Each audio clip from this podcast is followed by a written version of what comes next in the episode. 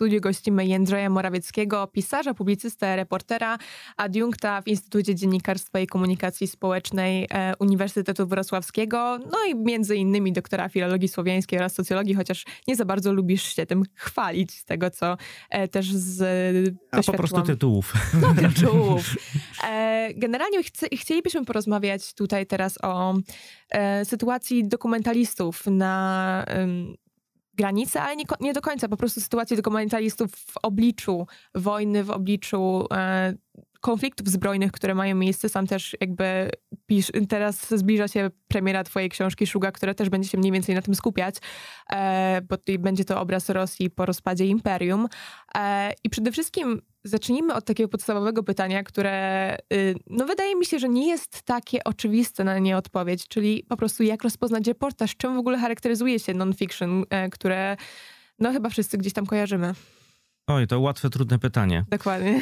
E, jak, dobrze, jakbym miał powiedzieć łatwo, to może zacznę od tego. To jest taka definicja na przykład Niedzielskiego, którą się przywołuje, albo wychodząc od niej można powiedzieć. Po pierwsze to jest to, e, co mm, opowiada o, o rzeczywistości Dobra, nie, inaczej. Chciałbym powiedzieć jeden do jeden, ale to jest nie do końca prawda. Zaczynam komplikować, miało być prosto. E, jest to opowieść niefikcjonalna. Jest to opowieść, w której e, ufam, że jeżeli mi ją dajesz, to jeżeli mówisz, że ktoś ci coś powiedział, to naprawdę powiedział. E, to jest opowieść, w której jeżeli piszesz o jakimś miejscu, piszesz o jakiejś scenerii, to wiem, że tak było i to widziałaś, a może jak tam pojadę, to to zobaczę, chyba że będzie już inaczej. Jest to opowieść, w której wiem, że bohaterowie, o których piszesz, istnieją i że nie zlepiłaś dwóch bohaterów, nie zrobiłaś jednego, żeby była podkręcona historia. E, I dobra, jeżeli miałoby być prosto, to, to pewnie tyle. E, natomiast e, Szuga jest też książką, w której ja trochę się rozprawiam z tą definicją reportażu, albo inaczej, pokazuje, jak trudno jest pilnowanie granicy pomiędzy fiction a non-fiction, pomimo tego, że należy jej pilnować. No, no. Bo tutaj mamy takie mm, też jako dziennikarze, mamy obowiązek moralny, który no, jest taką e, niepisaną umową z czytelnikiem, tak? Mhm. Tak, tak. To się e, w akademicy nazywają to paktem refer referencyjnym.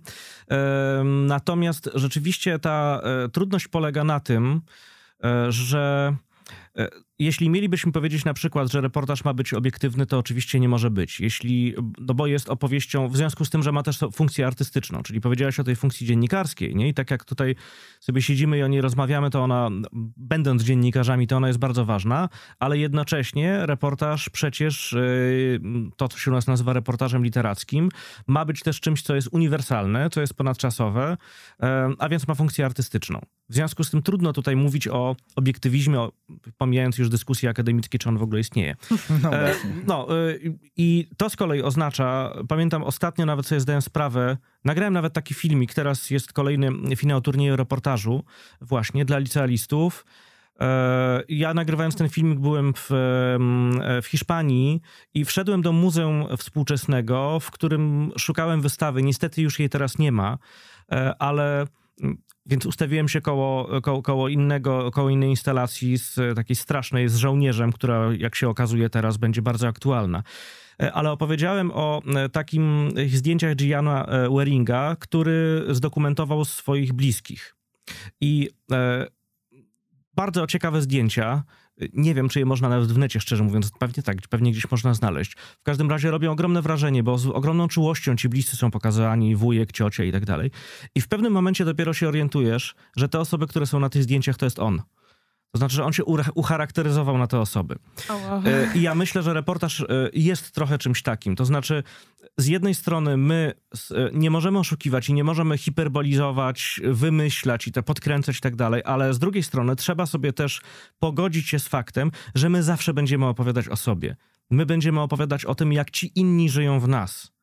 I y, pytanie, na ile będziemy to robić y, um, uczciwie, nie? Ale, ale to raczej jest tak.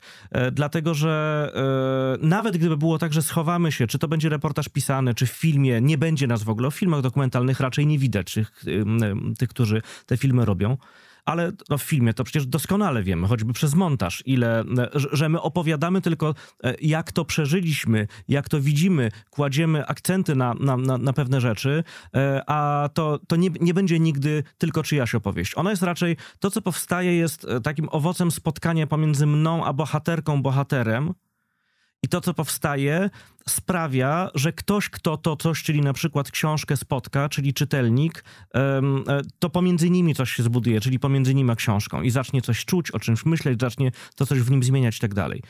Więc e, to z drugiej strony najpierw powiedziałem prosto, a tak bardziej skomplikowanie, to, to ja na to patrzę mm, w ten sposób. Rozmawiamy o sytuacji e, dziennikarzy, reportażystów, dokumentalistów, e, czy to na froncie, czy to na granicy i aktualnie, i nie tylko aktualnie. I to, co jest dla mnie najbardziej ciekawe, e, to jest to, e, jakich, e, czego mogą się spodziewać osoby jadące na przykład kręcić dokument w sektorze, gdzie jest prowadzona wojna. Poza samą wojną spróbuję, oczywiście. Spróbuję po prostu przekierować to na siebie, czyli przypomnieć hmm. sobie, czego ja się spodziewałem. Ja, ja wyjechałem na Donbas w 2019 roku yy, i niczego się nie spodziewałem, bo w ogóle nie chciałem jechać do strefy wojennej. E, było to tak, że w związku z tym, że wiedziałem, że opowiadam o Szudze właśnie, która już wtedy miała tytuł, to moja w ogóle pierwsza książka, która dawno miała tytuł. Szuga to, są, to jest śryż, taka breja, coś pomiędzy lodem e, a wodą, też błotem takim na rzece, e, też na drogach się mówi o Szudze. I to była metafora takiej opowieści e, o tym, e, że w momencie, kiedy się kończy zima, to miasta syberyjskie wyglądają paskudnie, bo śnieg już jest czarny i brudny i to, co wyłazi spod spodu, e, to mogą być śmiecie i też rzeczy paskudne.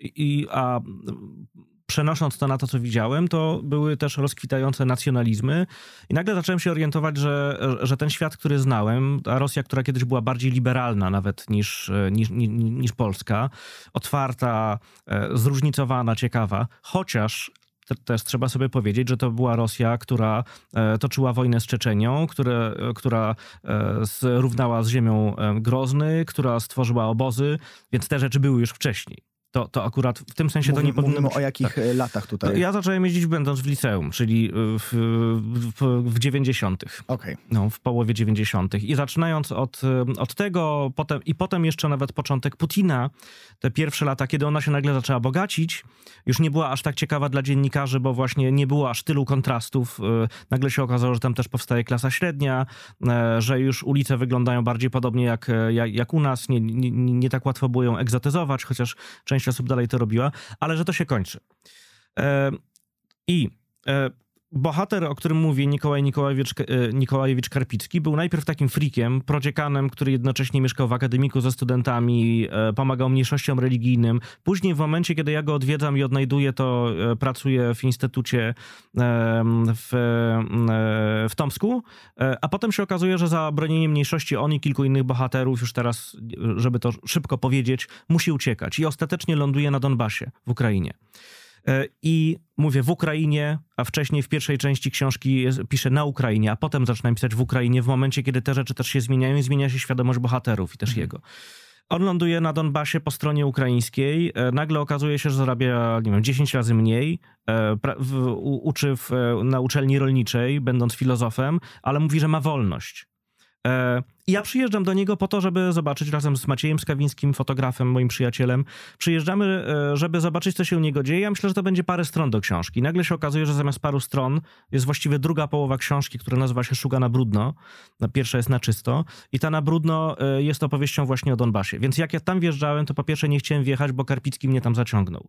Byłem w Charkowie, w którym teraz też widzimy, co się dzieje. Jadę do Kramatorska i Słowiańska i tam już widać straszną traumę w ludziach i to są te rzeczy, które wyciągam z, z, z opowieści, ale jednocześnie mówię, ja nie potrzebuję wjeżdżać na front, bo ja wolę usłyszeć e, to, co jest w tych ludziach. No ale on powiedział, nie, jedziemy. I w momencie, jak tam wjechaliśmy, no to się okazało, że że to jest lej, że to jest czarny lej, że to jest brak nadziei, że wojna oznacza, że nie widzisz, z której strony do ciebie strzelają i kto. I ludzie po, paru latach, po tych ośmiu latach dopiero się uczą w ogóle, czy strzeliły do nich wojska ukraińskie, czy rosyjskie, czy tym się pomyliło i z moździerza nie tak, nie, nie tak wycelowali i trafili w blok, e, czy tamtym. E, no trochę mi się to kojarzyło z jądrem ciemności, z, z czasem apokalipsy, z takim zupełnym szaleństwem. Więc jakie rady? Słuchać. Ja miałem przez cały czas włączony mikrofon e, tam.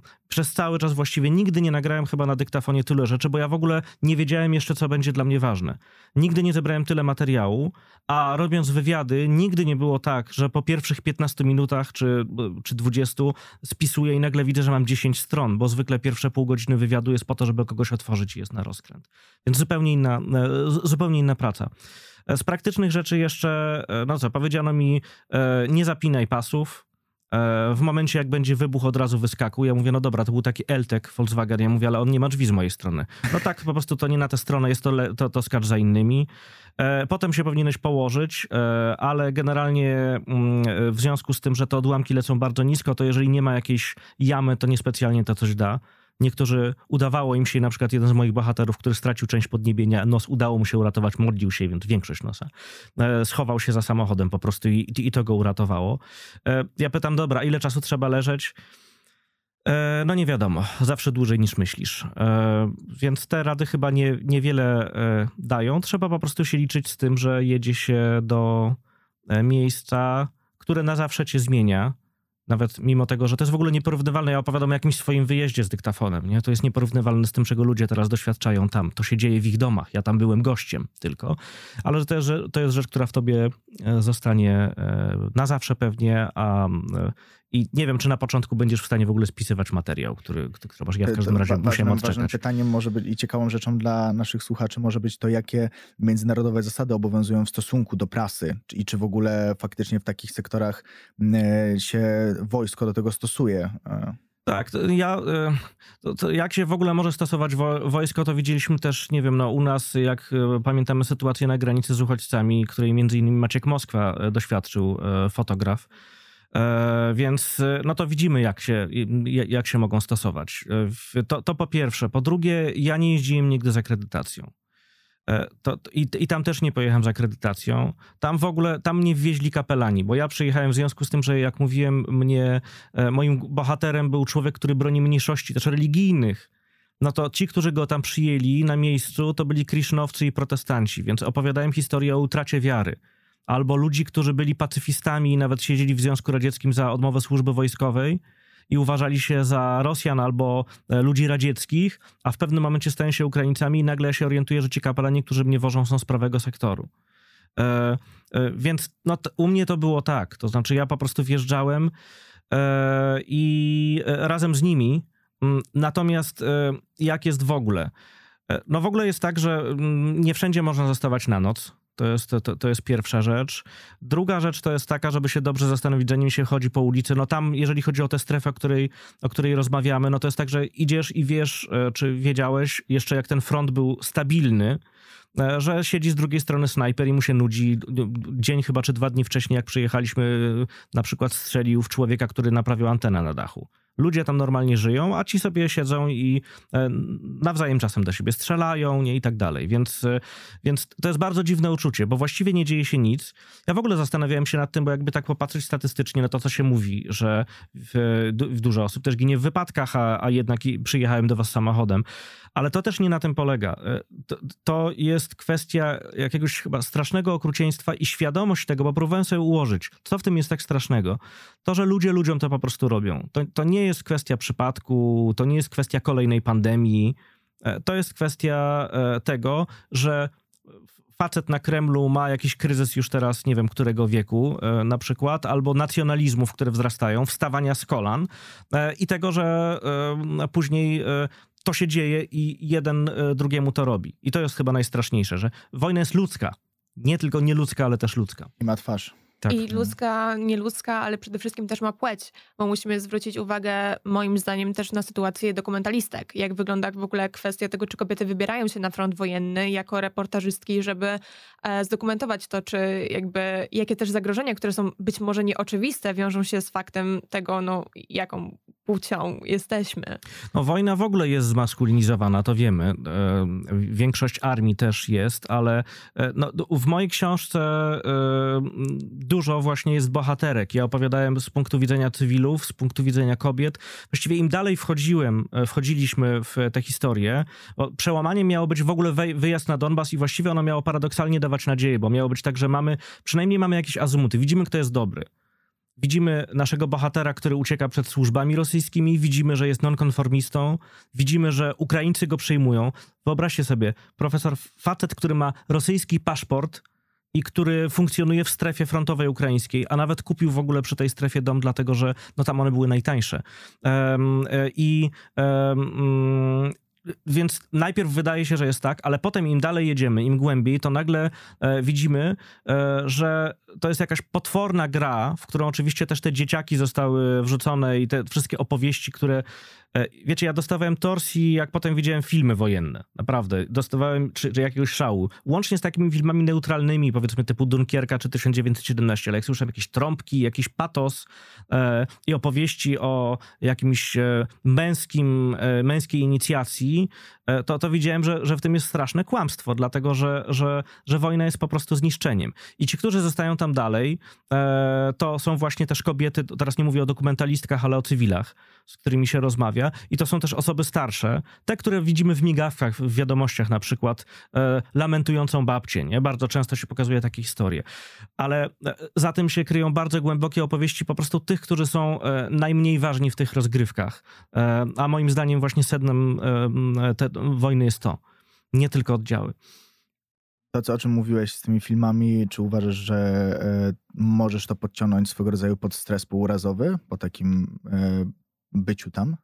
Nie wiem. Nie mam pojęcia. E, ojej, trudno to powiedzieć. No, że jak, jeżeli pytasz o moje, pytasz o moje przeżycia tak, osobiste... O, o, twoje, no mówiłeś o tych, o tych filmach, że... No tak, tak, nie wiem. E, to znaczy, akurat to, o czym mówię, to chyba nie. To, to dobrze, to, torsje to pewnie było bardziej metaforycznie, ale, e, ale mm, no, to chyba to, światopoglądowo. zostało bardzo mocno Zostaje. no to nie zostaje, no to są takie Jasne. rzeczy, które w tobie zostają. Film, nie wiem, sny, które masz przez dwa tygodnie, dreszcze jakieś mm. w nocy, nie? Takie, takie rzeczy, które zostają, a potem nagle poczucie osamotnienia. I to chyba jest coś takiego, co jak widzę u dokumentalistów, wspomniałem też właśnie Maczka Moskwę i Rafała Grzenie, oni razem pisali taką książkę Sura o Syrii. E, e, czy, czy inne osoby, czy Maciek Skawiński, e, który, z którym mówiłem, że pojechałem, a który wcześniej miał takie doświadczenia. E, jest jakaś taka smuga, która zostaje e, w nas e, po tym. Pewne poczucie samotności wobec osób, które, które tego nie doświadczyły. E, bo ja pamiętam, jak stawałem potem, nie wiem, nawet na tarasie u nas w instytucie, albo gdzieś stoisz z kimś rozmawiasz i jest jakiś small talk i co będziesz opowiadał o lecących moździerzach. No tak było, bo ja tylko o tym chciałem opowiadać. I, a potem nagle się okazuje, że w ogóle nikt cię nie chce słuchać. Potem się nagle okazuje, że piszesz książkę i e, dostajesz takie sygnały. Ja się bardzo cieszę, że czytelnik się na nią zdecydował i chyba to jest najlepsze miejsce, gdzie ta książka mogła trafić. Zresztą z Magdą pamiętam nawet, jak staliśmy od instytutem i w ogóle działo się to wszystko i rozmawialiśmy, ale wydawnictwo inne na przykład, które było zainteresowane, to jest bardzo duże wydawnictwo science fiction. I w ogóle ludzie pytali mnie, czy to jest prawdziwe. Nie? E, więc e, więc to, to, było tak, że do niedawna myśmy nie chcieli słuchać o tych historiach i o tej wojnie. Teraz nagle, w związku z tym, że się ludzie poczuli zagrożeni, to nas to dotyczy i to przeżywamy i chcemy słuchać, ale to trwało od 8 lat. Wydaje mi się, że tutaj też jest kwestia tego, że musimy sobie zdać sprawę, jak ogromną e, niesie ze sobą jakby fikcję wojny kultura i to przedstawienie, bo to jest coś, czego wydaje nam się, że mówimy często o jakichś filmach, że jest e, mega realistyczny i, możemy się rozpiewać nad tym, ale zapominamy o tym, że po prostu wojna jest brutalna, wojna jest nie jest ładna, wojna jest brzydka i wojna niesie ze sobą przede wszystkim zniszczenie i wojna niesie ze sobą to, czego co nie wygląda ładnie na ekranie kinowym. I tym akcentem y, zakończymy, bo niestety kończy nam się e, czas nas, naszej audycji. Przypominam, że naszym gościem był e, Jędrzej Morawiecki. E, dziękuję bardzo za to, że porozmawiałeś z nami. Niedługo jest premiera twojej książki. E, tak, pod kiedy... koniec miesiąca pod koniec Szuga miesiąca. wychodzi. Szuga, tak. więc bardzo polecamy, szczególnie w kontekście najnowszych wydarzeń. My przypominamy, że przed mikrofonami byli Magda Baryłko i Łukasz Zagrajek. Audycję realizował Andrzej Szal i bardzo wam dziękujemy e, i dziękujemy Tobie, Jędrzeju. Dzięki. E, no i co? No, dbajcie o siebie i do usłyszenia.